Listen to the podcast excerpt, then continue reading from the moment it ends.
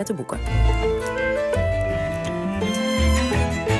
Maar we openen dit keer met onze columnist Abdelkader Benali. Vanwege de desastreuze aardbeving die vrijdagavond in het hart van Marokko plaatsvond. Er zijn nu al meer dan 2000 slachtoffers en even zoveel gewonden gevallen. En dat aantal zal nog wel gaan toenemen. Um, Abdelkader, hoe hoorde jij ervan? Uh, bij het wakker worden, Twitter. Ik, formerly known as Twitter, X. Ja. En er kwamen de berichten binnen. En uh, vanaf dat moment zit ik eigenlijk, ben ik eigenlijk ook bezig met, met, met praten en, en, en kijken wat er, wat, hoe de situatie zich ontwikkelt in dat deel van Marokko. En heb je ook kennissen en, en familie in dat deel? geen familie, maar wel veel vrienden en collega's. Kijk, uh, Marrakesh, Agadir uh, is een plek, een plek waar ik veel ben gekomen, waar ik veel collega's heb. Onder andere de schrijver Yassine Adnan. Ik, heb hem gisteren een berichtje gestuurd van hoe gaat het met je? Het is jouw stad Marrakesh, je hebt er ook veel over geschreven. Hij stuurde me vanochtend net een berichtje dat hij de nacht heeft doorgebracht in de auto. Hij, hij, hij, is wakker geworden door de aardbeving. Ze zijn naar buiten gevlucht en ze durven hun huis niet meer in. Gewoon uit angst dat er nog een nieuwe ja, beving na, daarna schokken, ja. ja. Uh, los van jou, Midi, jij gaat straks hier uh, over historische boeken praten. Jij, mm -hmm. jij hebt een vader in, uh, in Marokko nu. Waar, waar ja, die, die, die, is toevallig in Marokko. Die is in Ifren. Dat is een soort Alpendorp ten zuiden van de koningssteden Ves en Meknes. Um, en die, die werd wakker geschud. de, de, grond bewoog daar. Ehm, dus in paniek zijn ze allemaal naar buiten gegaan. En op dat moment weet je natuurlijk niet uh, of jij jezelf, of, of jezelf in dit epicentrum bevindt. Hè? Uh, dat is natuurlijk uh, altijd het enge. dan komen ze heel snel, snel achter natuurlijk via internet van nee, het is, het ten zuiden. dus de schrik zat erin. maar hij is ongedeerd en er is geen schade in die regio.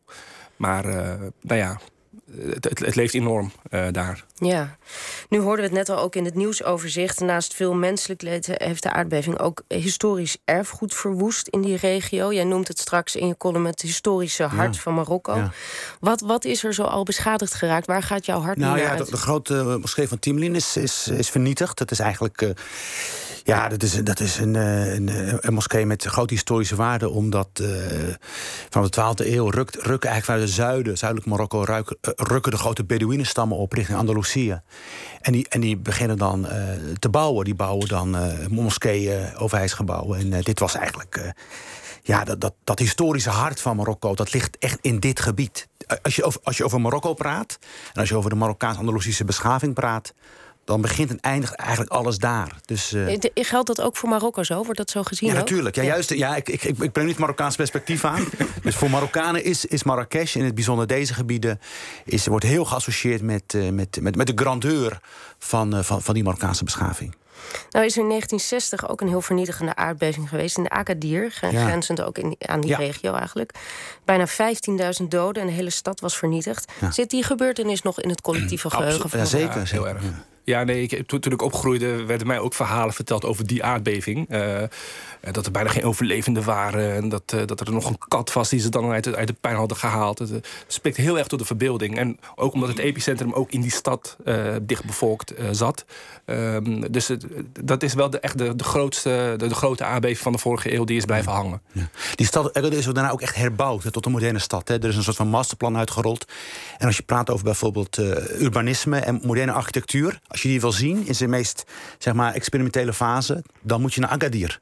Dus dat is gewoon echt van scratch opgebouwd. Dus het is, niet alleen, het is dus niet alleen de stad van vernietiging, maar ook de stad van wederopbouw. Mhm. En ik ben heel benieuwd wat, wat er nu gaat gebeuren met, uh, met, met het denken over hoe, hoe bouw je, dat, hoe bouw je zo'n regio weer op? Hoe zorg je weer voor, voor morele en uh, economische bestaanszekerheid? Ja, dat moet allemaal gaan uh, blijken in de toekomst.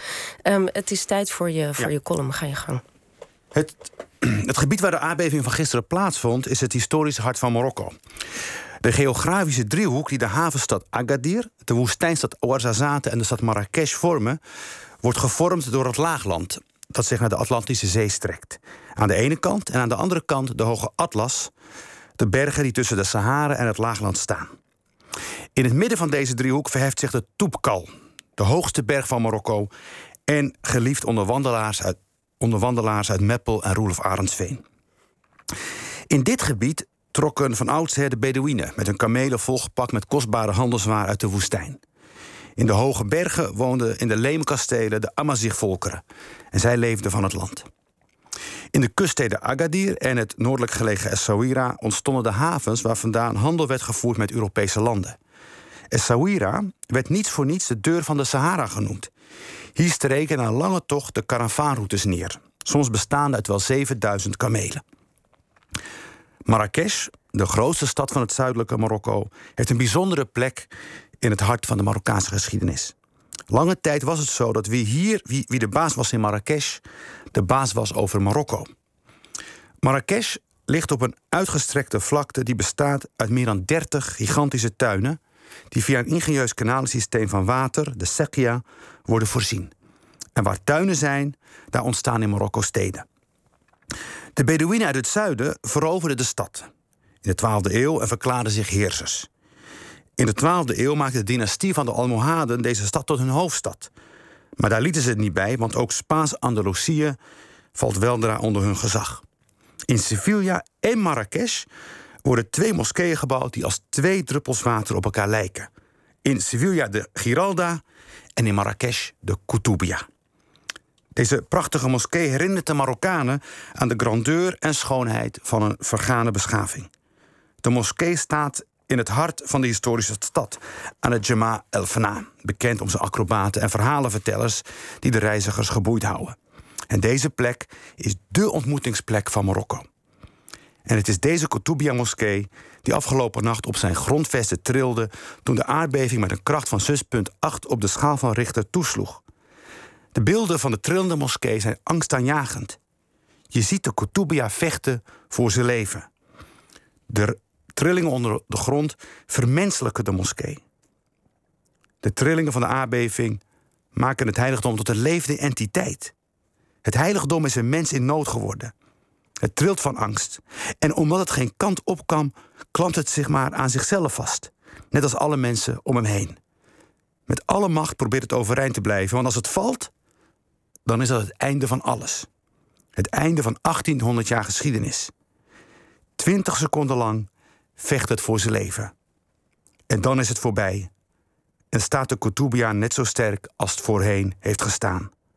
Maar het zal nooit meer hetzelfde zijn. Dankjewel op de kader en veel sterkte de komende tijd. Uh, Lotfi, we spreken je zo weer.